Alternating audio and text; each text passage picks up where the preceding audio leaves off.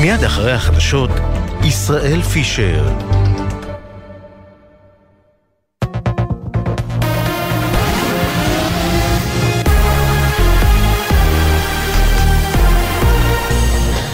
גלי צה"ל השעה 6, שלום רב באולפן, עדן לוי, עם מה שקורה עכשיו. הרמטכ"ל רב-אלוף הרצי הלוי אומר כי צה"ל עושה מאמץ להימנע מפגיעה בחטופים ברצועת עזה, אף שאין לו תמונה מלאה אודותיהם. אנחנו מנסים לדעת, משקיעים מאמץ גדול מאוד בידיעה היכן נמצאים החטופים. אין לנו מידע מלא כמובן. אנחנו מתאמצים גם להימנע מפגיעה בהם. ובאשר לחטופות, אנחנו גם יודעים למה אנחנו דואגים. אני לא חושב שהחוויה בשבי, לא של גברים, לא של נשים, היא חוויה נעימה ולכן צריך לקצר אותה ככל שניתן. הרמטכ"ל הוסיף כי להשמיד את חמאס ולהחזיר את החטופים הן מטרות משלימות ולא מתחרות. עוד אמר כי הפעולה הקרקעית ברצועה תימשך כל עוד יהיה בצורך, חרף הלחץ הבינלאומי. כבר עכשיו יש הישגים משמעותיים ואנחנו יודעים לייצר עוד שיטות פעולה רבות. יהיו גם שיטות נוספות, חוץ מהתמרון. דברי הרמטכ"ל שהתייחס גם לירי ביובל קסטלמן, זיכרונו לברכה, בפיגוע בירושלים. אנחנו מדגישים את ההכרח להקפיד על כללי הבסיס ההכרחיים במקרים מורכבים כאלה ירי בסביבה אזרחית. לא למהר בירי כשפוחת הסיכון, ואנחנו לא יורים במי שמרים ידיים. מדבריו הביא כתבנו הצבאי, דורון קדוש. הצהרת הרמטכ"ל המלאה תשודר מיד אחרי החדשות בגלי צה"ל. תמה הפגישה הטעונה בין משפחות החטופים עם שרי קבינט המלחמה. נשמעו חילופי דברים קשים מאוד בין חברי הקבינט לבין המשפחות. ראש הממשלה נתניהו אמר במהלך הפגישה, אין כרגע אפשרות להביא את כולם. מישהו מעלה על הדעת שאילו הייתה אפשרות כזאת, מישהו היה מסרב. אחת החטופות שנכחה בפגישה סיפרה, פצצות מטוס הופלו מעלינו. החמאסניקים המשיכו לישון, לא מזיזות להם מההפצצות שלכם. גם שמחה גולדין נעמד באמצע הפגישה והטיח לעבר קבינט המלחמה כמה הדר גולדינים וכמה רון ארדים יש אצל חמאס. את הציטוטים מהפגישה מסר כתבנו גל ג'רסי. שרון שרעבי, ששני אחיו יוסי ואלי חטופים ברצועת עזה, נכח בפגישה. הוא קרא ביומן הערב אצל ירון וילנסקי, חייבים להציל אותם. ראש הממשלה בעצם אה, מבין שהלית ברירה שהוא מחדש את הלחימה זה הדרך הטובה ביותר. אני לא יכול להגיד לך שזה מקובל עלינו המשפחות. אנחנו מבינים שכל שנייה שהחטופים שלנו נמצאים שם זה סכנת חיים. אין לנו ברירה אחרת אלא להציל אותם. כתבנו המדיני יניר קוזין מעדכן כי הערב בתשע יקיימו ראש הממשלה נתניהו והשרים גלנט וגנץ מסיבת עיתונאים בקריה בתל אביב. בפעם השלישית בשעה האחרונה אזעקות נשמעו בדקות האחרונות באזור כפר גלעדי ומשגב עם. אזעקות נשמעו גם במרחב מרגליות ובקריית שמונה. כתבתנו הדס שטייף מעדכנת כי המשטרה מטפלת שם במספר זירות בהן אותרו רסיסים ללא נזק וללא נפגעים. כתבנו בצפון הדר גיציס מזכיר כי בשעה האחרונה נורו שלושה טילי נ"ט למרחב מנרה, צה"ל משיב בארטילריה למקורות הירי בלבנון. מזג האוויר, בשעות הקרובות ירדו גשמים בצורים מלווים סופות רעמים יחידות, בנחלי הדרום והמזרח קיים חשש משיטפונות. מחר ירידה נוספת בטמפרטורות וגשם ירד מדי פעם בצפון הארץ ובמרכזה. אלה החדשות.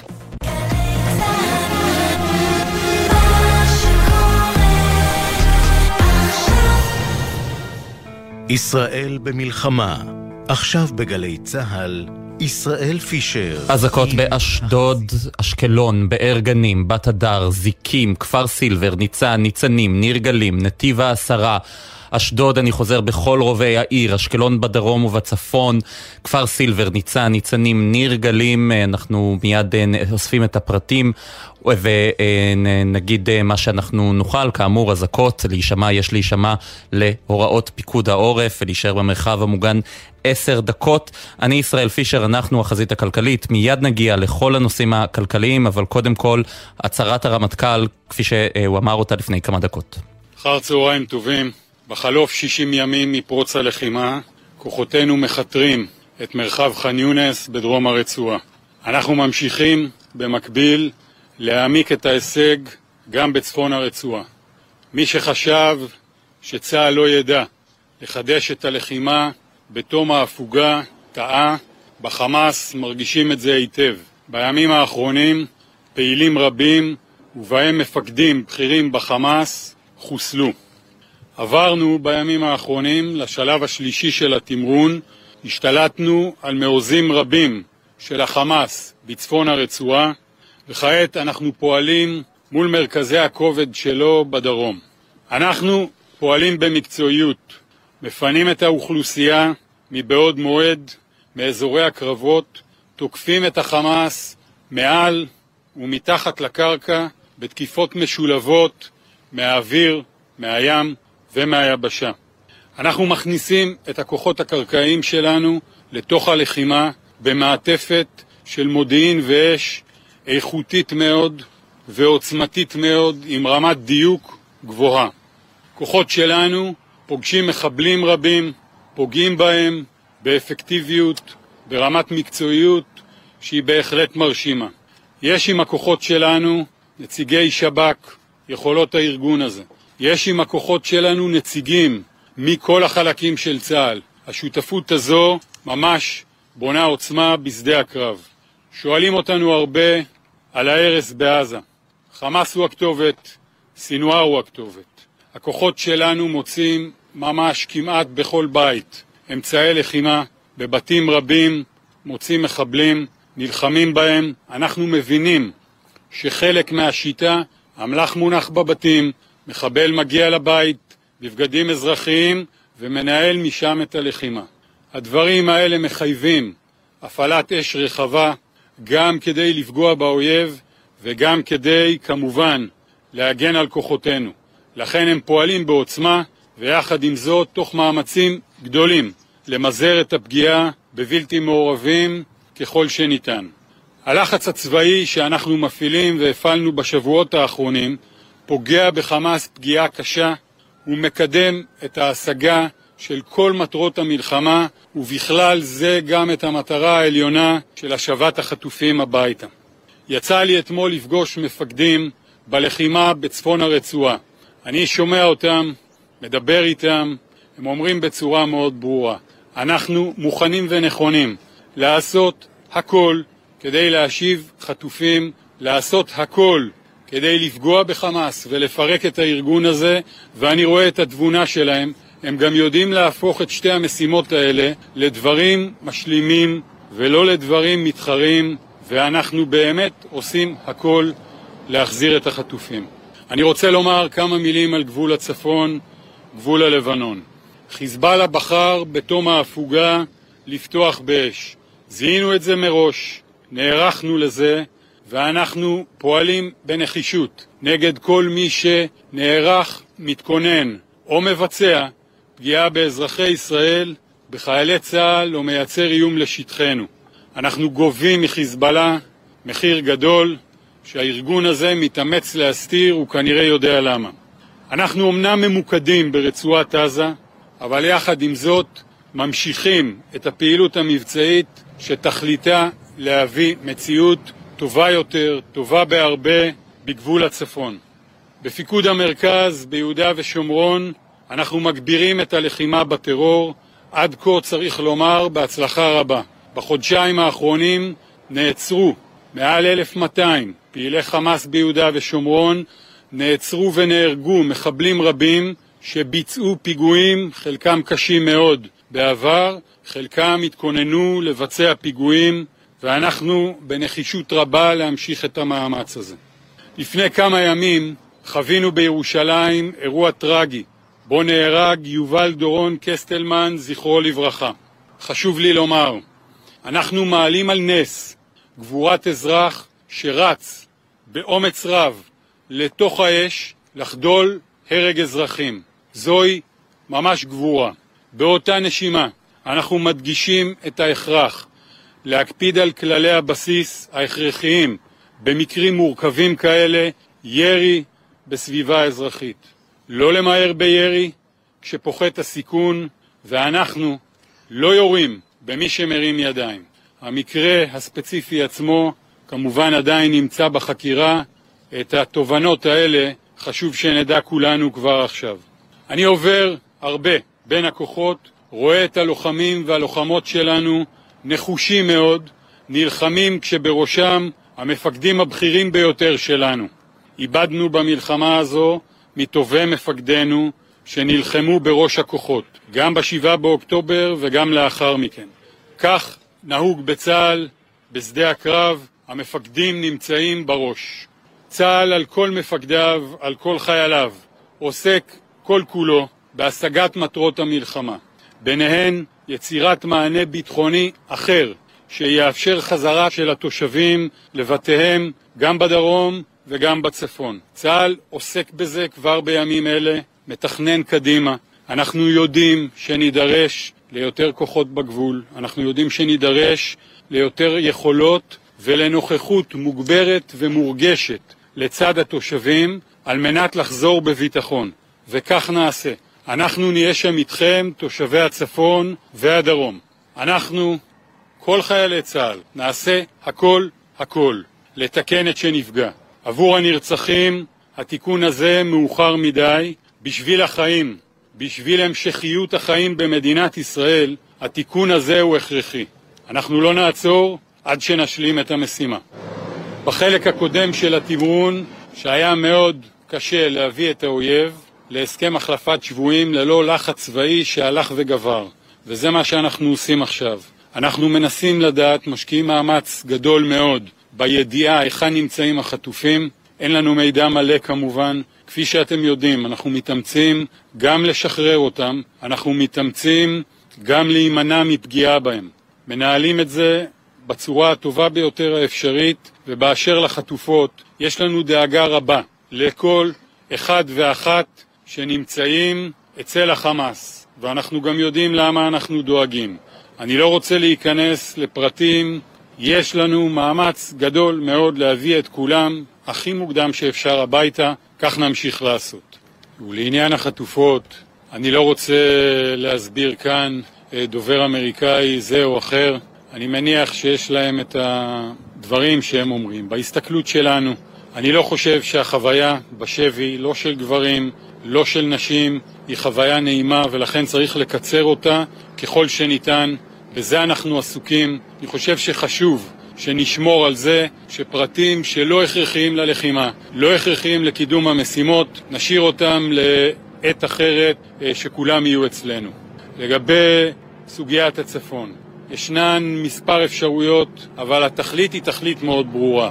אנחנו נחושים להחזיר את תושבי הצפון לגור בסמוך לגבול במציאות ביטחונית אחרת לגמרי. את המציאות הקודמת חייבים לשנות. בדרך לשינוי אפשר לבחור במספר דרכים, זה יכול להיות במלחמה, אנחנו מכינים אותה היטב, זה יכול להיות במהלכים אחרים שמשלבים גם יכולות צבאיות, גם יכולות מדיניות. מכינים את הכל, ובהתאם למה שיתפתח, אנחנו נפעיל את הדברים, נגיע אל המשימה הזו. כן, עכשיו לשאלה של כתבנו דורון קדוש. אנחנו פוגשים תשתיות רבות של תת-קרקע בתוך רצועת עזה. ידענו שיש הרבה, אנחנו פוגשים הרבה מאוד, אה, חלקן ממש בצורה שמוכנה היטב. חלק מההישג הוא להשמיד את התשתיות האלה. יש לנו דרכים מגוונות, אני לא אדבר עליהן כאן.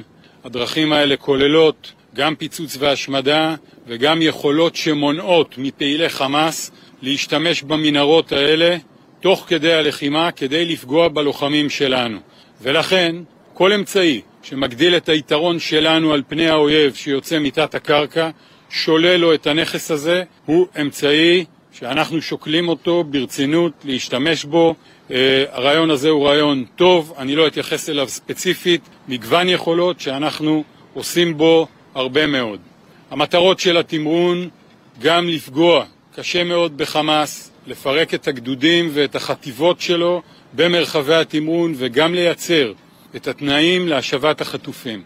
זה יימשך כל עוד אנחנו נראה צורך בשיחות ובדיונים מעמיקים עם הדרג המדיני, וכשנחליט לעצור, נדע איזה הישגים יש מאחורינו. חשוב לי להדגיש, אנחנו כבר עכשיו בצפון הרצועה עם הישגים מאוד משמעותיים, אנחנו בדרום הרצועה עם תחילתם של הישגים משמעותיים שאני מעריך וגם מקווה שילכו ויתגברו ואנחנו יודעים לייצר עוד שיטות פעולה רבות. אמרנו מהיום הראשון, זו מלחמה ארוכה, יהיה בה תמרון, תהיינה גם שיטות נוספות ואנחנו נחושים בכל דרך להמשיך עד למימוש המשימה. כן, אלו הם אה, דבריו של הרמטכ"ל, רב-אלוף הרצי הלוי, כמה כותרות מאוד, מאוד מעניינות, רק נעדכן שבאשדוד היו שלושה יירוטים ללא נפגעים מהמטח אה, בתחילת השעה הזו. איתנו לסיכום דברי הרמטכ"ל כתבנו לענייני צבא וביטחון דורון קדוש. ערב טוב.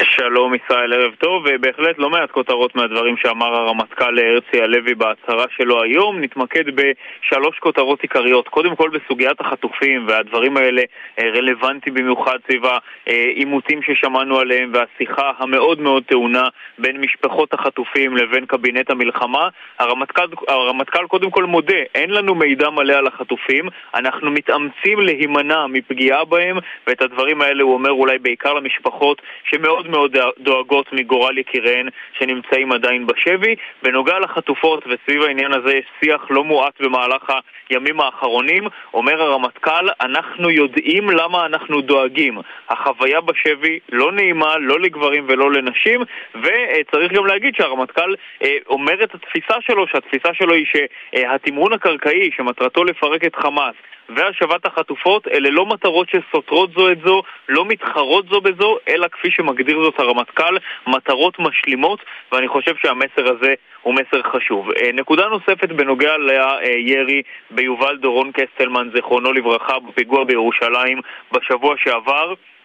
כאן חשוב להגיד, הרמטכ"ל הלוי אומר את הדברים הבאים מיוזמתו. הוא לא נשאל על כך והוא לא אמר את זה במענה לשאלת עיתונאים, אלא הוא בחר מיוזמתו להתייחס לסוגיה, וגם את זה חשוב להגיד, כשהרמטכ"ל מבהיר, אנחנו לא יורים במי שמרים ידיים, הכרחי להקפיד על הכללים ולא למהר בירי כשפוחת הסיכון. אמנם ישראל, החקירה של האירוע הזה עדיין בתחילתה ועוד מוקדם לקבוע מה אה, יהיה שם, אבל כן יש כאן איזשהו מסר שהרמטכ"ל מבקש להבהיר אולי לכל נושאי הנשק במדינת ישראל. ונקודה אחרונה, אה, כשאנחנו שאלנו את הרמטכ"ל... כן, בתשובה לשאלה שלך, על... צריך להגיד.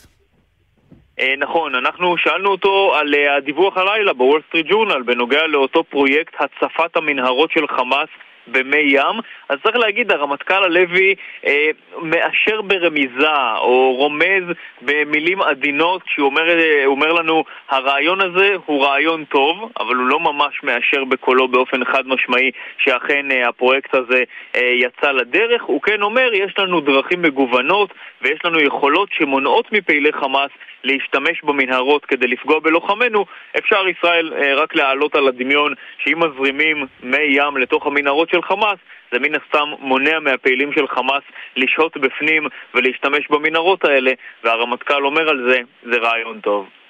כן, בהחלט אה, כמה כותרות מעניינות. דורון קדוש, כתבנו לענייני צבא וביטחון, תודה רבה לך.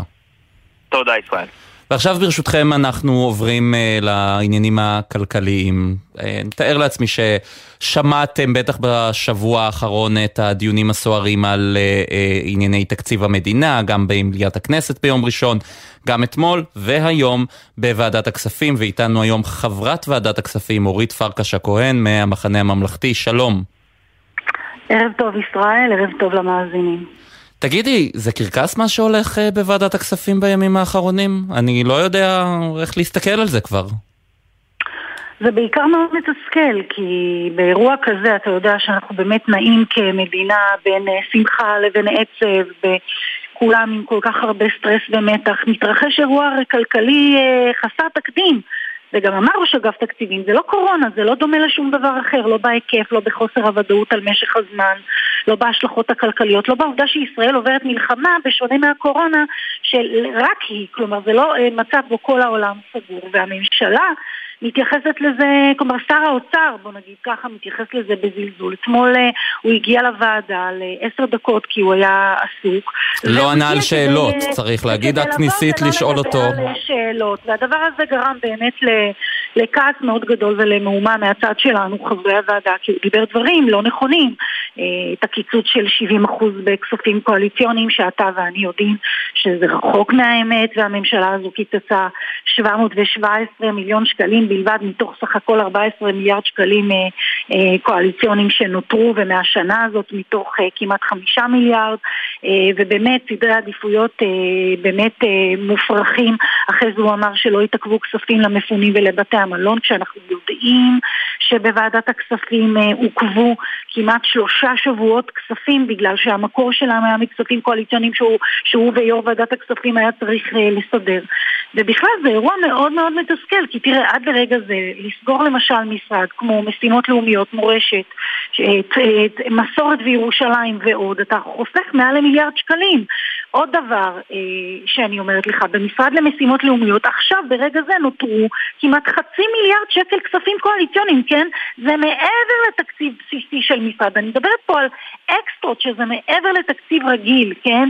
אה, אני מדברת על המשרד לשירותי דת, 100 מיליון, והתכנים, התכנים בפנים, הם בכלל אה, אה, מדברים על זה שכששר האוצר יצא והתייצא לציבור, התייצב בפני הציבור, שבוע אחר הוא ישיבה באוקטובר ואמר נכשלנו. כן, אבל עכשיו... אבל עכשיו לא המחנה הממלכתי, את חברה במחנה הממלכתי, שאתם חלק מהקואליציה, אם רק להגיד שאנחנו מצביעים נגד התקציב, זה מספק?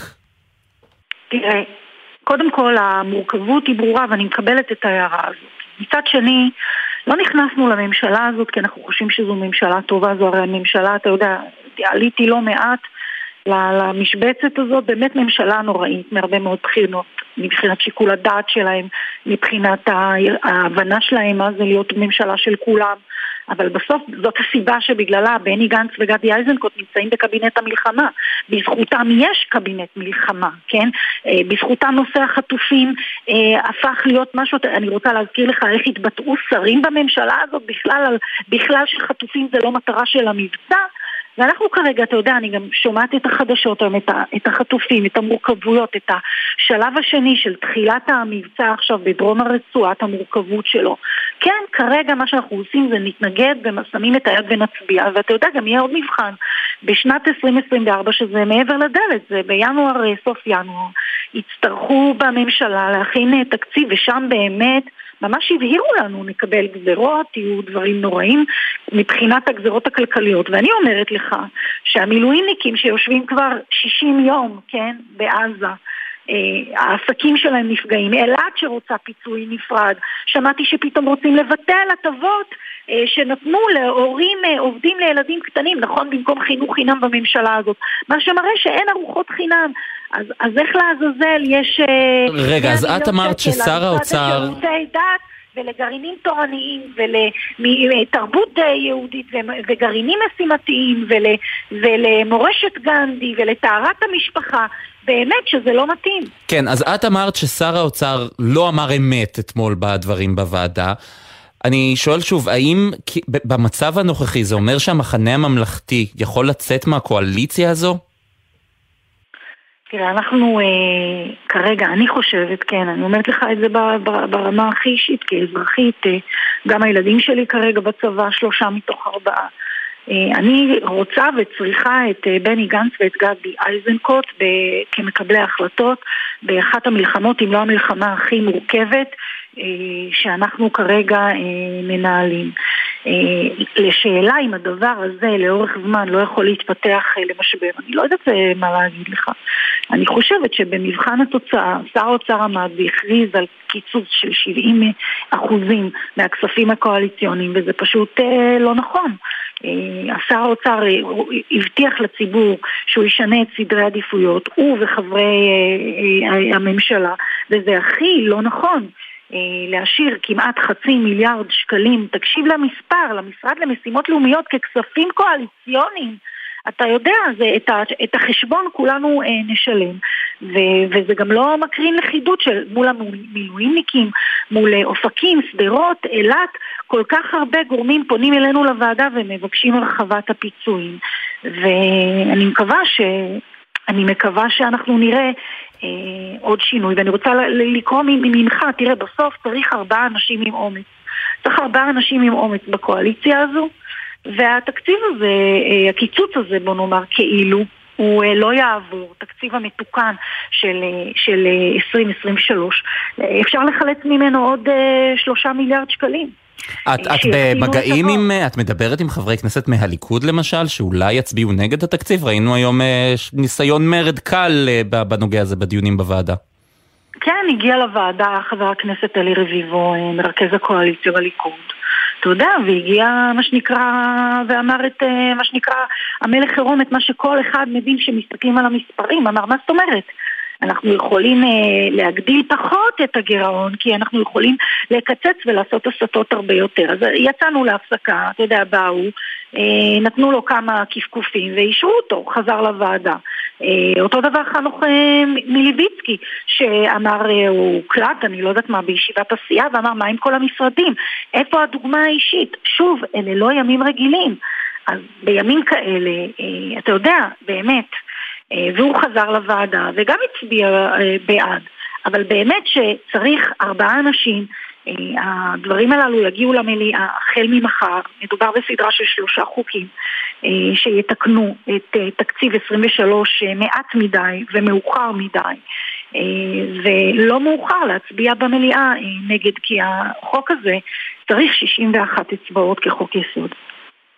חברת הכנסת אורית פרקש הכהן מהמחנה הממלכתי, תודה רבה. תודה, תודה. עכשיו הנושא הבא, אנחנו מדברים כולנו על הצורך לתמוך בעסקים בישראל, פרסומות, לקנות תוצרת כחול לבן, אבל מתברר שמי שלא תמיד עושה את זה, זו המדינה בעצמה. רון תומר, דוקטור רון תומר, נשיא התאחדות התעשיינים, אתה איתנו, שלום, ערב טוב. ערב טוב, ערב טוב ישראל. זה מכעיס אותך. תראה, אני תמיד, מאז ומתמיד חשבתי שחלק מהציונות שלנו זה לבוא ולפתח את התעשייה ואת העסקים בישראל ולו רק בגלל שבעצם כזה מדינה חזקה צריכה כלכלה חזקה. אבל אני כבר לא, אנחנו לא בזמנים רגילים ומבלי כרגע לחזור על כל שאלות התקציב הלא מתוקן, אתם כולם אומרים תקציב מתוקן, זה תקציב מקולקל, הוא לא מתוקן כי אין בו מנועי צמיחה. אבל אני אומר, אחד, זה אסון שלא הכניסו את כל מנועי הצמיחה ופגעו בכספים שמעודדים צמיחת המשק ועידוד ו- ופריון וכל הדברים החשובים האלה והכשרות שחתכו אותם בסכין חדה מהתקציב הזה ואזרחי ישראל אולי לא מבינים כי זה מילים גבוהות אבל זה אומר שבסוף המשק הישראלי לא יצמח. הצד השני שלו זה לפחות להגדיל את הרכש מתוצרת הארץ כדי לבוא ולהגדיל את התוצר הישראלי. תזכור ישראל, אנחנו נכנסים לשנה אולי מהקשות במדינת ישראל, כיוון שבנוסף למצב הלחימה ולמיתון שהיא תביא אחריה וכך הלאה, אנחנו מגדילים פה את החוב בצורה דרמטית וצריכים להגדיל את החוב, אני לא נגד. ברור שזה... כן, אבל השאלה היא מה עושים עם זה, על מה מוצאים את הכסף. לא, אז השאלה היא גם על מה עושים את הכסף, אני מדבר כרגע על הצדקה, החוב המוצדק שבעצם חלקו הולך להוצאות לחימה וחלקו הולך באמת לצמיחה בעורף, בעסקים שנפגעו וכך הלאה, ולצעדים מוצדקים, אבל מצד שני, אם אנחנו הרי חוב הוא לא לבד, צריך גם להגדיל תוצר, כי אתה צריך לסגור יום אחד את החוב ממשהו. אז אם אתה לא מגדיל, אתה מגדיל את החוב מצד אחד ומקטין תוצר, איך הסברתי לבת הקטנה שלי את זה לפני יומיים? אמרת לה, תראי, זה כמו שמישהו יבוא ויגדיל את האוברדרפט שלו בבנק, אבל אז יגיד, אני גם מוריד את המשכורת. במצב כזה כל אחד מבין שאין שום דרך לסגור את החוב. עכשיו, מדינת ישראל, זה מה שהיא עושה עכשיו באופן דו-ראשי, היא מגדילה את החוב, חלקו מסיבות מוצדקות, אבל פוגעת בצמיחה. עכשיו, הצמיחה היא גם דרך התקציב, מה שעושים ב- בימים האלה, ואני קורא לכל חברי הכנסת לצאת מהפוליטיקה. אבל רגע, בוא לא נדבר על רכש כחול לבן, על תוצרת כחול לבן. עכשיו, השני זה על רכש כחול לבן, בדיוק. עכשיו, תראה, אנחנו הולכים לשקם את הדרום. הולכים לשקם, אני מקווה שגם לא נצטרך לשקם את הצפון, אבל עלולים גם להיות במצב שאם המלחימה תלך לצפון, לשקם את הצפון. ומנהלת תקומה למשל, תשקיע מיליארדים ראויים בלשקם את הדרום. ומה שהיה עד היום, זה שחלקים מאוד גדולים מתוצרי הבנייה, אם זה כבלים של חשמל, ואם זה מלט, ואם זה לוחות גבס וצבעים והכל, חלק קטן נקנה בארץ, חלק מסוים, וחלק מאוד משמעותי נקנה בחו"ל. ואיפה הכי הרבה נקנה בחו"ל דרך אגב? אצל החבר במרכאות הכי גדול שלנו, ארדואן. שהכלכלה שלו, אנחנו. אנחנו קונים מטורקיה, כן? לא רק עגבניות, אלא הרבה מוצרים אחרים. לגמרי, ואני אומר, זה הזמן לחשב רגע מסלול מחדש ולעצור. רק אומרים לי כולם, וזה לא הזמן עכשיו, נדבר אחרי המלחמה. אז מי שלא מוכן לדבר איתי עכשיו, כנראה גם לא ידבר איתי אחרי המלחמה. אבל צריך להבין שמדינת ישראל, אם היא לא תדע היום לחזק את העסקים שרבים מהם נפגעו, ולחזק את התעשיות שלנו, שעובדות פה תחת אש חלקם, ויוצרות פה, תראה, לא חסר לנו דבר. אתה זוכר את הימים הראשונים של מלחמה, שאנשים התנפלו על הסופרים, אמרו, יהיה חסר אוכל, יהיה חסר דברים אחרים, יהיו חסרים מוצרים. לא חסר דבר, למה? כי אנשים עובדים פה תחת אש, ואנשים עובדים שעות נוספות, והעובדים שלנו המקסימים מגויסים, ומי שלא מגויס ללחימה, מגויס לעורף ועוזר בעבודה ונותן שעות נוספות. אנחנו כולם ביחד עושים את הכל. אבל בואו נעשה את זה יותר. רגע, המפעלים הישראלים מסוגלים לספק את כל הצריכה, את כל הדרישה, הביקוש פה בישראל? תראה, אני לא בעד לפתח משך קרקעי ושהכל יהיה רק מישראל, אבל אנחנו מסוגלים, גם אם מחר תחליט שמשקמים את הדרום רק בתוצרת כחול לבן אפשר. אבל אני גם אומר לא רק, אבל החלק העיקרי חייב להיות תוצרת כחול לבן, תוצרת ישראל, להחזיר את המקומות עבודה גם כן למקומות האלה, ויותר מזה, להשקיע תקציבים בשביל מקומות שצריך, בואו נגדיל את המפעלים. אנחנו יודעים להגדיל את המפעלים, אנחנו יודעים להגדיל תפוקות ברובוטיקה ודברים אחרים, אבל מה ממשלת ישראל עושה בתקציב הזה? היא עושה הפוך על הפוך. לא רק שהיא לא מגדילה, היא למעשה מקטינה והיא עוצרת היום חלק גדול מהתקציבים. ולכן אני אומר, החישוב מסלול מחדש צריך להיות בשני אפיקים. אחד, לשנות את תקציב המדינה כבר השבוע, וכמו שאומר שר הכלכלה בצדק ונלחם על זה ניר ברקת, וצובעים את זה בצבעים פוליטיים, אבל זה לא פוליטיקה, זה החיים עצמם, כמו שתוכנית שהייתה עד לאחרונה בגלי צה"ל. החזית הכלכלית היום. בדיוק. את החיים עצמם דורשים מאיתנו קודם כל להשקיע בצמיחה כדי שיום אחד נוכל לסגור את הגירעון. והצד השני, להכריז כבר עכשיו שאחת המטרות של מנהלת תקומה והכל זה לשקם את מדינת ישראל ולבנות את האזורים שנפגעו בחדש על ידי תוצרת מקומית, תוצרת כחול לבן, ולא לשקם את ארדואן שהיום מקלל אותנו בכל מקום, ואני אומר את זה אפילו בעדינות, על ידי זה שביום שאחרי ניקח את הכל ממנו וניתן עבודה לעובדים הטורקים ונחזק את התוצר הטורקי ואת הכלכלה הטורקית, וטורקיה זה רק דוגמה דרך אגב.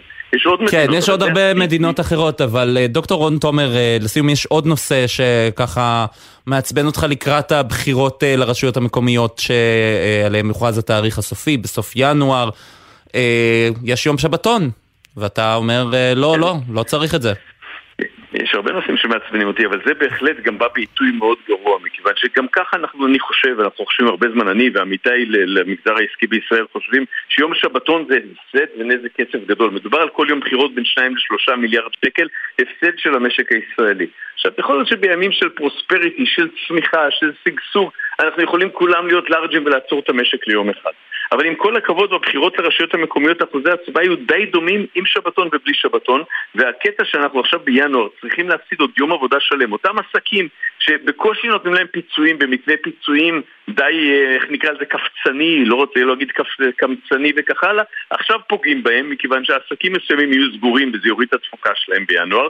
עסקים אחרים יעבדו וישלמו 200% משכורת כי זה מה שמשלמים ביום שבתון אם העובד בא לעבוד ולמה? בשביל להצביע לרשויות המקומיות. חבר'ה, אני לא מזלזל בבחירות לרשויות המקומיות, הן מאוד חשובות. כן. אבל מי שזה בליבו יצביע במילא אתם רוצים לעזור? אין בעיה שעתיים של לתת לכל עובד אפשרות ללכת להצביע ולחזור. אנחנו לוקחים עכשיו משק בנסיגה וגורמים לו נזק ישיר של 2 מיליארד או 3 מיליארד שקל ואני אגיד לך מה, כל מי שאני מדבר איתו אומר לי רון אתה צודק אבל הבעיה של המנהיגות שלנו שהיא רק יודעת להגיד לך שאתה צודק אבל היא לא יודעת להנהיג למקומות צודקים ואני מצפה גם משר הפנים, שהוא שר פנים ראוי בהחלט שעושה המון צעדים חשובים ומשר האוצר ומראש הממשלה לשבת עוד השבוע בקבינט החברתי-כלכלי ולהכריז שיום הבחירות הזה לא יהיה יום שבתון כי המשק שלנו כן. צריך לצמוח ולא צריך לברוח. והיום כל מה שאנחנו עושים, ותבין, השיחה הזו בינינו היא לא דיברה בה על הכל, אבל כל הנושאים שדיברנו בהם, בעצם איך אנחנו שמים לעצמנו רגל אחרי רגל, מכשול אחרי מכשול, להתרסקות כלכלית. דוקטור רון תומר, נשיא התאחדות התעשיינים, תודה רבה.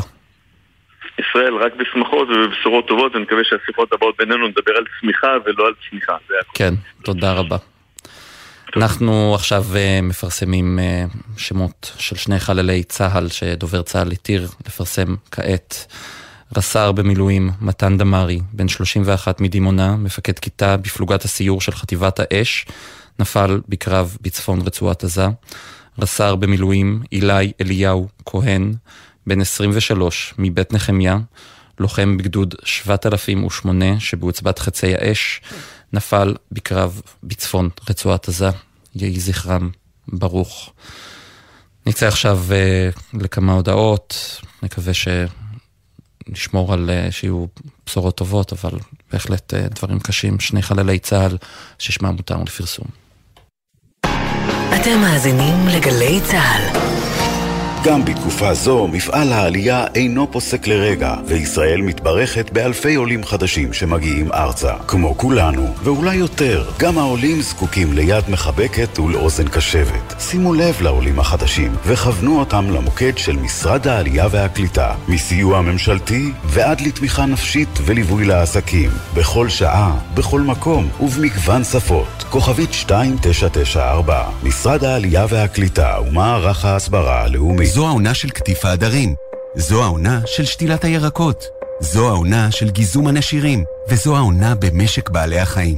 חקלאי ישראל, כמה עובדים חסרים לכם כדי להציל את העונה? ספרו לנו על צורכי המשק שלכם, ואנחנו במשרד החקלאות נדאג לכם לידיים עובדות. מלאו עכשיו טופס באתר המשרד. יחד נציל את העונה ויחד ננצח. מגיש משרד החקלאות ופיתוח הכפר. בחנוכה מאירים את ירושלים. בואו לחגוג איתנו עם מגוון אירועים והפעלות לכל המשפחה, ברחבי העיר, במוסדות ובהיכלי התרבות. הצטרפו אלינו להדלקת נרות, מופעים, הצגות, סדנאות ועוד הפתעות. הנחות לאנשי המילואים ומשפחותיהם ולבעלי כרטיס ירושלמי. לפרטים ייכנסו לאתר עיריית ירושלים. חג שמח! יש אישה וגם מסתבר שיכולים לשמוע אותנו גם אנשים שיושבים שם בחושך ומחכים, אנחנו גילינו שלירדן היה איזה שביב של רגע שהיא שמעה אותנו מדברים ברדיו, וככה היא הבינה שגפן בחיים, וזה מה שנתן לה את הכוחות להחזיק. היא שמעה אותך ואותי מדברים? ממש ככה. והיא ידעה שאתם עוטפים את גפן שלה? מהשבריר השנייה הזה, היא פשוט הבינה את כל התמונה, היא ידעה שאנחנו עושים הכל, והיא ידעה שהיא בידיים טובות. גלי צה"ל, פה איתכם, בכל מקום. בכל זמן. עכשיו בגלי צה"ל, ישראל פישר עם החזית הכלכלית. כן, אנחנו uh, בחזית הכלכלית ממשיכים uh, לדון uh, גם בנושאי כלכלה, אבל לפני הכל רק נחזור על הדברים שהותרו לפרסום ממש לפני uh, ההודעות. שני חללי צה"ל ששמם מותר לפרסום, רס"ר במילואים מתן דמארי, בן 31 מדימונה, מפקד כיתה בפלוגת הסיור של חטיבת האש, ורס"ר במילואים אילי אליהו כהן, בן 23 מבית נחמיה, לוחם בגדוד 7008 שבעוצבת חצי האש, יהי זכרם ברוך. כשאנחנו, בימים האלה הכל סוער באמת, דיברנו גם עם אה, חברת הכנסת אורית פרקש הכהן על העניינים התקציביים וגם עם אה, דוקטור רון תומר, נשיא התאחדות התעשיינים על הנושאים התקציביים, אבל רגע בואו ניקח צעד אחורה ונראה מה בכלל, או איך בכלל אפשר לנהל את, את מה שקורה מבחינה תקציבית. איתנו פרופסור אליס ברזיס, אה, פרופסור לכלכלה באוניברסיטת בר אילן וראש מרכז עזריאלי למדיניות כלכלית, ערב טוב. ערב טוב. אנחנו שומעים את כל הדיונים האלה, האם זה עד כדי כך נורא למשל שמשאירים את הכספים הקואליציוניים כחלק מהתקציב? אז אני רוצה לעשות סדר. יש כמה אופנים להסתכל על השאלה הזו. הצד המקרו-כלכלי אומר, אנחנו מסתכלים על מה תהיה התוספת בהוצאות. אנחנו, התקציב הוא בסביבות 500 מיליארד. אנחנו מוסיפים 35 מיליארד. זה אומר שהגירעון יגדל ב-2.3 אחוז. אנחנו כנראה לא נגיע ל-3.7 שהממשלה רוצה, זה יהיה כנראה יותר. האם זה נורא אם נוסיף עוד שלושה מיליארד? התשובה היא לא. כל הזמן שהגירעון הוא בסביבות החמישה אחוז, זה אומר שאנחנו נגדיל את החוב הלאומי. אנחנו עכשיו בחוב לאומי של 60 אחוז כחלק מהפלאג. כל הזמן שהוא יהיה, אתה יודע, יותר נמוך מאשר 75 אחוז, המצב הוא סביר בזמן מלחמה. אבל זו לא הנקודה שאנחנו, זה, זה לא הנקודה היחידה להסתכל רק על מספרים. זהו, המוסדות הבינלאומיים רואים את זה ומסתכלים, והשאלה אם לא חושבים אם זה עניין של דמי רצינות של הממשלה. אה, בדיוק. זאת אומרת שזה לא המספר עצמו, כי כל הזמן שאנחנו לא עוברים את ה-75-80 אחוז של חוב לתל"ג, הם לא יעלו את הריבית בהרבה, ואם אנחנו נתקרב, ואנחנו פה מדברים הרבה על נושא של מיסים, כן? אז אסור לדבר על העלאת מיסים כל הזמן שאנחנו פחות מ-75 אחוז של החוב. אלא מה הבעיה הגדולה מאוד של מדינה, של הממשלה כרגע? הוא שאנחנו יודעים שבזמן מלחמה, אם יש חוסר מוסריות, אזי אנחנו יכולים לגלוש מהר מאוד למלחמת אחים, זה דבר שבהיסטוריה ידוע, וכל חברות דירוגי האשראי יודעים זאת, ודבר שני, הם יודעים שהכספים האלו זה לא כספים קואליציוניים. זה כספים קואליציוניים, זה תוקע את הצמיחה. כי אני אסביר לך מה זה כספים קואליציוניים. לדוגמה, אם הייתה פה קואליצ... קואליציה עם קבוצות אה, שהם ירוקים והם רצו להעביר אנר... כולנו לאנרגיה נקייה והם היו מבקשים גם עשרה מיליארד האם היה דיון בכנסת כמו שהיה היום? לא, היינו אומרים נכון, התשואה על הכספים האלו היא חיובית, אבל זה לא אולי... כן, הזמן. אבל השאלה היא מה מעודד צמיחה ומה לא מעודד צמיחה. בדיוק, זאת אומרת, השאלה המקרו-כלכלית שדיברתי על הגירעון היא שונה לגמרי משתי שאלות אחרות, שזה אחד, חוסר מוסר, שזה הביא לאביב הערבי בתונסיה ב-2011. וזה יכול לקרות פה בישראל כאשר בסוף המלחמה כאשר המילואימניקים יחזרו והם יראו שסך הכל נתנו את הכסף במקום לתת להם שהם צריכים אשראי, במיוחד אם הם עצמאים, נתנו את זה לאנשים ששתו ואכלו ויצאו לבית עד כדי כך את חושבת שהדברים האלה יכולים אה, לגרום לביעבוע חברתי דרך הכלכלה?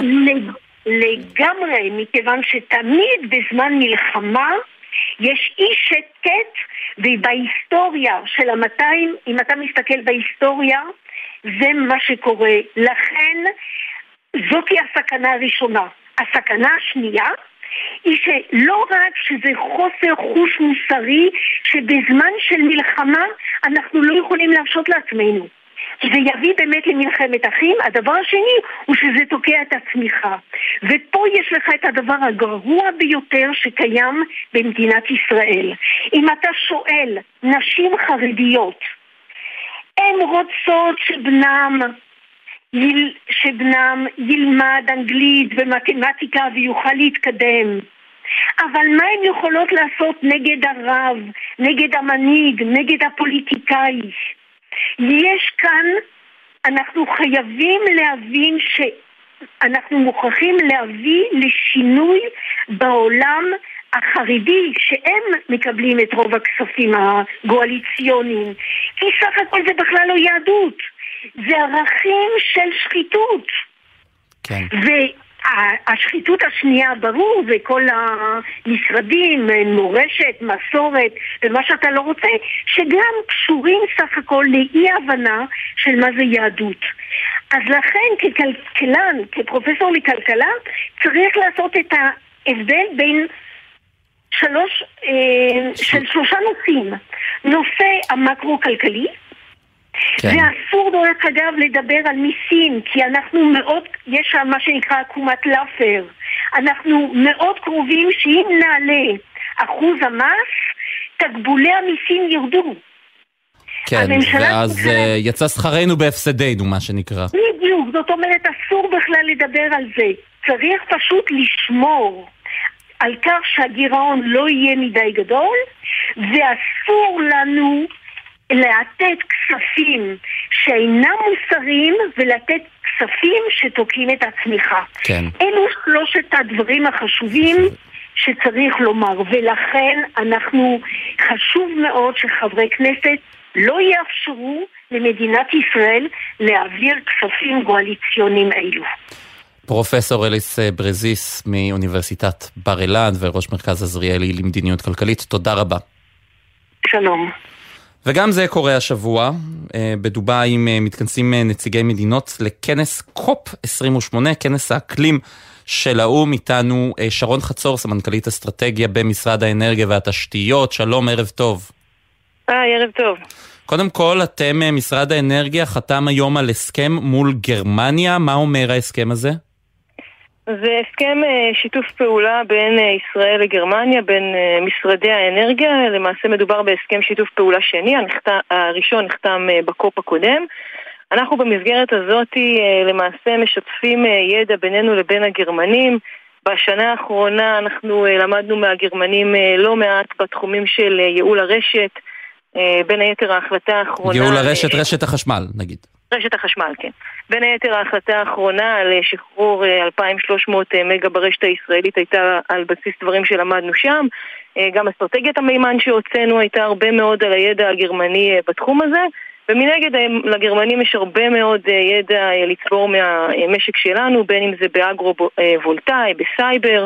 אגרו-וולטאי, רגע, אני רק אנסה לתרגם את זה, בפאנלים סולאריים ששמים מעל שדות חקלאיים. כן, כן, זה בעצם מה שאנחנו קוראים לו שימוש דואלי, גם להשתמש, גם לייצר חקלאות ולגדל וגם לייצר אנרגיה מתחדשת.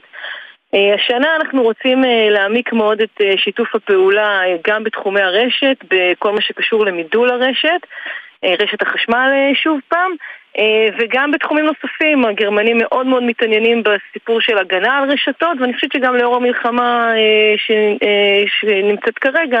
כן, ראינו למשל באוקראינה, במלחמה שהייתה שם, שהרוסים תקפו כמה פעמים באמצעות סייבר את רשתות החשמל, ויש צורך להגן על זה. אבל אה, אה, השאלה היא מה הבשורה בעצם שמשרד האנרגיה מביא לכנס הזה, לקופ? האם אה, אה, יש עוד דרכים בעצם שישראל תוכל להדביק את הפער בייצור חשמל מאנרגיות מתחדשות? כן, אני חושבת שהדרך להדביק את, ה, את הפער היא לעשות את מה שאנחנו עשינו בשנה האחרונה, ופשוט לעבוד מאוד מאוד קשה. השנה האחרונה הייתה שנה שבה אה, הייתה פריצת דרך בכל מה שקשור בעולמות התכנון, בתוכניות אה, גם באגרו-וולטאי שדיברנו קודם, גם בתוכניות אה, מתאר בתחום ההגירה, אה, גם בנושא הרשת, אה, תוכנית הפיתוח יוצאת לדרך אה, סוף סוף, תוכנית אה, גרנדיוזית. אה, וחוץ מזה, אני חושבת שהצעד הצעד העיקרי שהזכרתי אותו קודם, של שחרור עוד 2,300 מגה, שזה פחות או יותר 40% ממה שמותקן היום, הם כל אלה צעדים מאוד מאוד משמעותיים בכיוון. אני מזכירה גם את אה, אה, חיוב אה, אנרגיה סולארית על גגות מסחריים, צעדים בהתייעלות אנרגטית, ובסוף בסוף הדרך להגיע ליעדים היא פשוט לעבוד קשה בשלושת הדברים, ברשת, ברגולציה ובפתיחת הפוטנציאלים הנוספים להקמה של אנרגיה מתחדשת בישראל. אני חושבת שגם uh, הקופ כקופ וכמי שהייתה שם בשנים האחרונות מאוד מאוד מתעניין בחדשנות הישראלית, יש uh, חברות uh, חדשנות מרתקות בתחום האנרגיה, בתחום המימן, בתחום ההגירה. Um, קצת חבל שכל האירוע הזה קורה על רקע המלחמה, זו הייתה אמורה כן, להיות אחרת ממש... זו הייתה חגיגת סביבה ואקלים בדרך כלל. בדיוק, בדיוק, ממש חגיגה אמיתית, ואני אומרת לך, ההתעניינות בישראל היא חסרת תקדים. שרון חצור, סמנכ"לית אסטרטגיה במשרד האנרגיה והתשתיות, תודה רבה. תודה לך. ערב ביי טוב. ביי. אנחנו עוברים uh, לנתונים שפורסמו היום uh, על uh, תוצאות מבחני פיזה, שתכף נברר אם צריך לשמוח uh, או לא, אבל uh, דווקא מעניין שבנות חרדיות מובילות את המבחנים, ננסה לנתח קצת את הדברים ואת המספרים. איתנו דלית שטאובר, לשעבר מנכ"לית משרד החינוך, שלום, ערב טוב. ערב טוב לכולם. אנחנו, הנתונים האלה שפורסמו היום, בסך הכל, הם טובים או רעים? הנתונים אה, מצביעים על יציבות בהישגים של תלמידי ישראל. מאחר והנתונים הם תמיד יחסיים לכל המדינות האחרות שנבחנות במבחן, והדירוג של המדינה הוא תמיד יחסית למדינות האחרות, המדינות האחרות מאוד ירדו בזמן uh, הקורונה, מאוד נפגעו, הפערים בהם גדלו. אז זה לא אומר שאנחנו השתפרנו מדי. לא, יש, יש שמירה על יציבות. יש כן נקודה אחת שבה השתפרנו מאוד וכדאי לציין אותה, כי היא מאוד משמחת, וזה בקבוצת המצטיינים. הנתונים מנתחים גם את נתוני המצוינות, ואנחנו רואים שלגבי הקבוצות קבוצת המצוינות היינו במקום 31, עלינו למקום 22, שזאת כן אה, אה, עלייה משמעותית. והיא משמחת, וזה מראה שזו בשורה טובה, זו בשורה טובה, אבל יש עוד דרך ארוכה בכל מה שקשור למבחני פיזה, שבודקים בעצם מיומנויות, מבססים את המבחנים על שאלות של מיומנויות שנדרשות במאה ה-21, כמו חשיבה מסדר גבוה, ואילו החומרי הלימוד שלנו, שנבחנו עליהם בעבר, התבססו בעיקר על מידע. היום משרד החינוך כבר מזה שנה שנייה עושה שינוי בתוכניות הלימודים במתמטיקה בחטיבת הביניים, שבסופו של דבר זה הגיל שנבחנים בו במבחנים האלה, בגיל 15, ומטמיע אה, חומרים עדכניים בשיתוף פעולה עם אקדמיות ועם אה, קרן טראמפ ועם הפיקוח על המתמטיקה, מוסיף לנדבכים של הידע גם נדבכים מיומנויות, ולכן יש מקום לאופטימיות בעתיד. מה שעוד אה, נקודה שמעניינת, שדווקא בנות חרדיות הצליחו למשל בקריאה לקבל את הציון הכי גבוה. יש הסבר לכך, איך פתאום דווקא בנות חרדיות מקבלות ציון כזה, בטח בקריאה? קודם כל צריך לפרגן. אני חושבת... אני מפרגן לחלוטין, מפרגן לחלוטין. אני רוצה לפרגן, אני רוצה לפרגן. כשיש תוצאה טובה, אני חושבת בכל... אה, בכל פלח באוכלוסייה שהיינו רואים אה, פער לטובה, אז היינו אה, מציינים את זה בשמחה, אם זה היה קורה באוכלוסייה הערבית, אם זה היה קורה במקום אחר. באופן שוב, מאחר והנתונים, having said that, אחרי שהחמאנו לבנות החרדיות, ותכף ננסה לתת לזה הסבר, אה, צריך לומר שבאופן אבסולוטי אין שם שיפור משמעותי, יש שם עלייה קטנה. אה, יחסית לשנת 2018 למבחנים הקודמים, אבל מאחר ויש ירידה בבנות של ישראל באופן כללי, הציון שלהם בולט, וצריך לומר את זה. אז קודם כל, אני, אני יכולה להסביר את זה על פי השכל הבריא ועל פי ההיגיון שלי, אבל זה לא נבדק לעומק, אני יכולה לתת השערות. קודם כל, הבנות החרדיות הן באמת בסמינרים בגיל הזה של גיל 15, גם בלימוד, הן בכל הלימודים שלהן יותר ממוקדות למיומנויות, כי הן מתכוננות ל, ל, ל, לעולם העבודה יותר מה, מהאוכלוסייה האחרת. יש שם דגש יותר חזק על מיומנויות. דבר שני, הן פחות חשופות למסכים ולאינטרנט, והן קוראות יותר, וקריאה זה מיומנות, אתה יודע, נרכשת של כאילו... או, הנה, אז אנחנו צריכים ללמוד מהן, מהבנות החרדיות. יש, תדע לך שהבנות החרדיות הן גם מצטיינות במבחנים לראיית חשבון. ולמה? ואני יכולה להסביר את זה גם במשהו, אה, בפרופיל שלהן. אה, יש שם, בקרב הבנות החרדיות, הרבה מאוד נחישות ומשמעת כקבוצה, כשאנחנו עושים הכללה.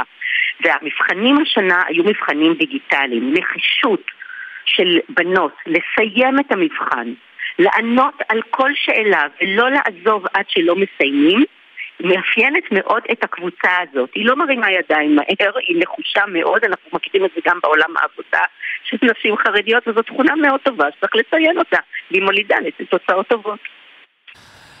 דלית אה, שטאובר, לשעבר אה, מנכ"לית משרד החינוך, תודה רבה. נגיד רק שהילדים כן. שלנו, כשהם לומדים, הם יודעים, צריך לציין את זה שישראל החזירה והשרה יפעת שאשא ביטן החזירה את הילדים ללימודים, מה שגם שומר על היציבות שלנו יחסית לעולם. הציונים בחטיבות הביניים בפיזה יותר טובים, אם אתם זוכרים, ממבחני הקריאה המאוד גרועים בכיתה ד' שהיו, משום שהלימודים בזום, ככל שעולה הגיל, הם היו יותר אפקטיביים. בגיל הצעיר הם פחות אפקטיביים, בחטיבת הביניים היו יותר אפקטיביים, וזה נותן את התוצאות. ונקווה שלא כן. נזדקק לזה. נקווה. אנחנו שוב במשבר, שוב במשבר עם מה נכון. שקורה. ואנחנו נצטרך ד... לתת את הדעת איך לעבוד איך נכון עם הילדים מזה. ולהכין אותם לעולם נכון. בהצלחה. דלית שטאובר, לשעבר מנכ"לית משרד החינוך, תודה רבה. תודה לכם. עכשיו אנחנו עוברים אה, לפינת העסקים שלנו, איתנו אור פרידן, בעלים של פיצה סטורי בשדרות, שלום אור. שלום, שלום, טוב. ערב טוב. אני אה, מבין שהפיצריה שלך נפגעה במהלך הלחימה האחרונה, והדברים ש... העניינים שנותנים לך אנשי מס רכוש לא ממש מספקים. אה, אכן, הפיצה שלי נפגעה בלחימה האחרונה, ב-13 לעשירי.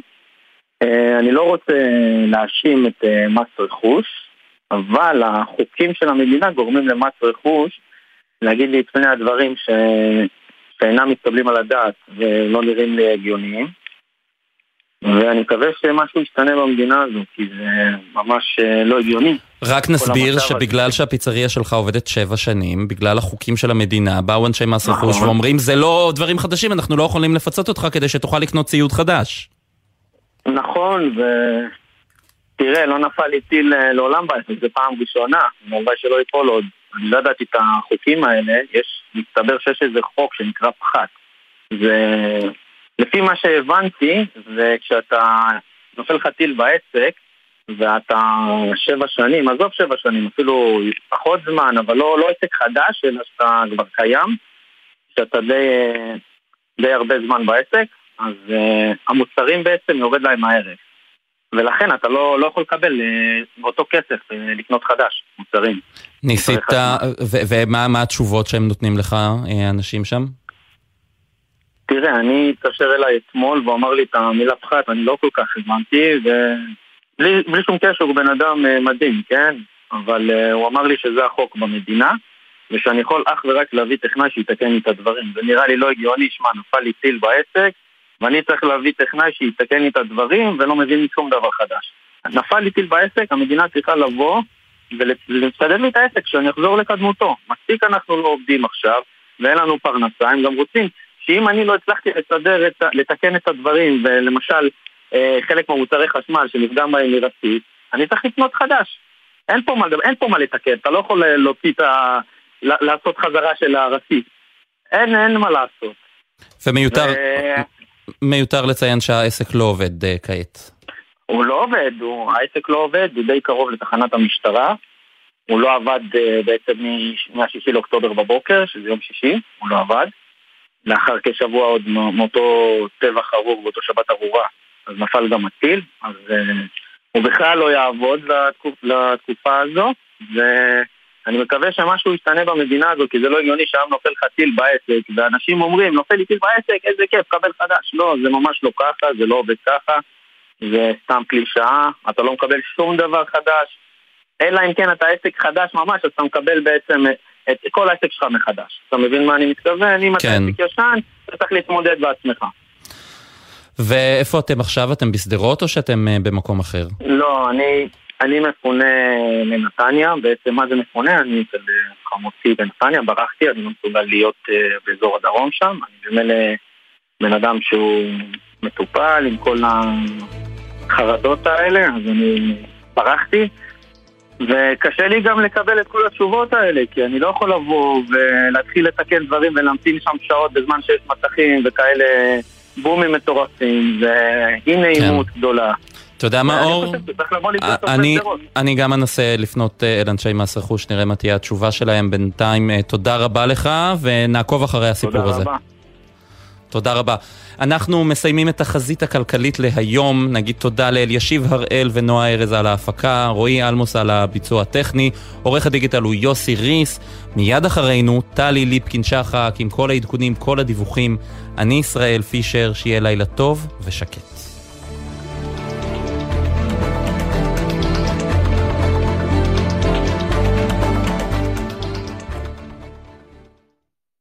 בחסות אייס, המציע לכם מגוון מבצעים על מוצרים שיוכלו לחמם את הלב. ואגב, את uh, כפות הרגליים. כמו תנוע אמבטיה שבמבצע ב-79 שקלים. אייס. היי, כאן ג'ניפר, סמב"צית של חטיבה 261 של בה"ד 1. מה שמראים לי בתקופה הזאת אלו תרומות של אזרחים וההירתמות שלהם בשבילנו. ישראל, אנחנו נחושים, ויחד ננצח.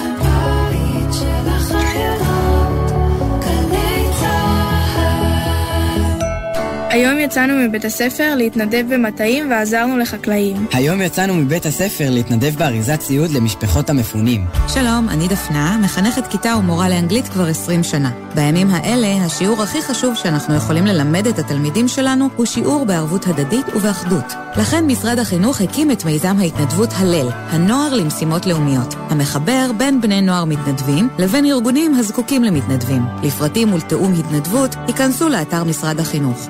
התלמידים שלנו, גאווה ישראלית. המלחמה שינתה את המציאות הכלכלית והעסקית שלנו. לכן משרד האוצר ורשות המיסים קידמו מתווה פיצויים רחב היקף הנותן מענה לכל העסקים במדינה.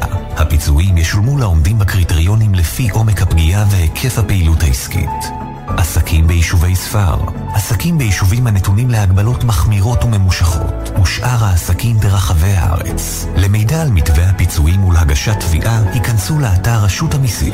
יחד ננצח, ונמשיך להניע את גלגלי המשק במלחמה ובשגרה. אקדימה, לימודי המשך בר אילן. באתר אקדימה ריכזנו למענכם יותר מ-200 קורסים, לימודי תעודה והכשרה. אתר חדש, מתקדם ונוח לחיפוש. חפשו בגוגל אקדימה. גלי צה"ל כבר אחרי חצות.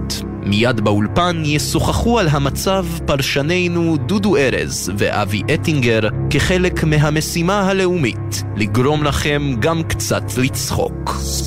דודו ארז ואבי אטינגר בציפורי לילה מסתכלים על המצב מזווית קצת אחרת. הלילה בחצות, גלי צה"ל. מאחורי השמות, בוקר טוב ישראל חולקת כבוד לנרצחים ולנופלים. תמיד עם חלומות משוגעים, חיוך ממזרי וחולצה להחלפה. וחלמה לעזור לילדים עם מוגבלויות באמצעות תרפיה עם כלבים. מפעל חייו היה הרפת. בכל בוקר נספר משהו קצר, פרט מידע, אירוע או חוויה שישפכו אור על מי שהיו ואינם עוד. בני משפחה וחברים המעוניינים לחלוק עמנו בסיפורים ובתמונות מוזמנים לעשות זאת באמצעות הדואר האלקטרוני. זיכרון כרוכי glz.co.il מאחורי השמות, מדי יום ביומן הבוקר של גלי צה"ל עם אפי טריגר. מיד אחרי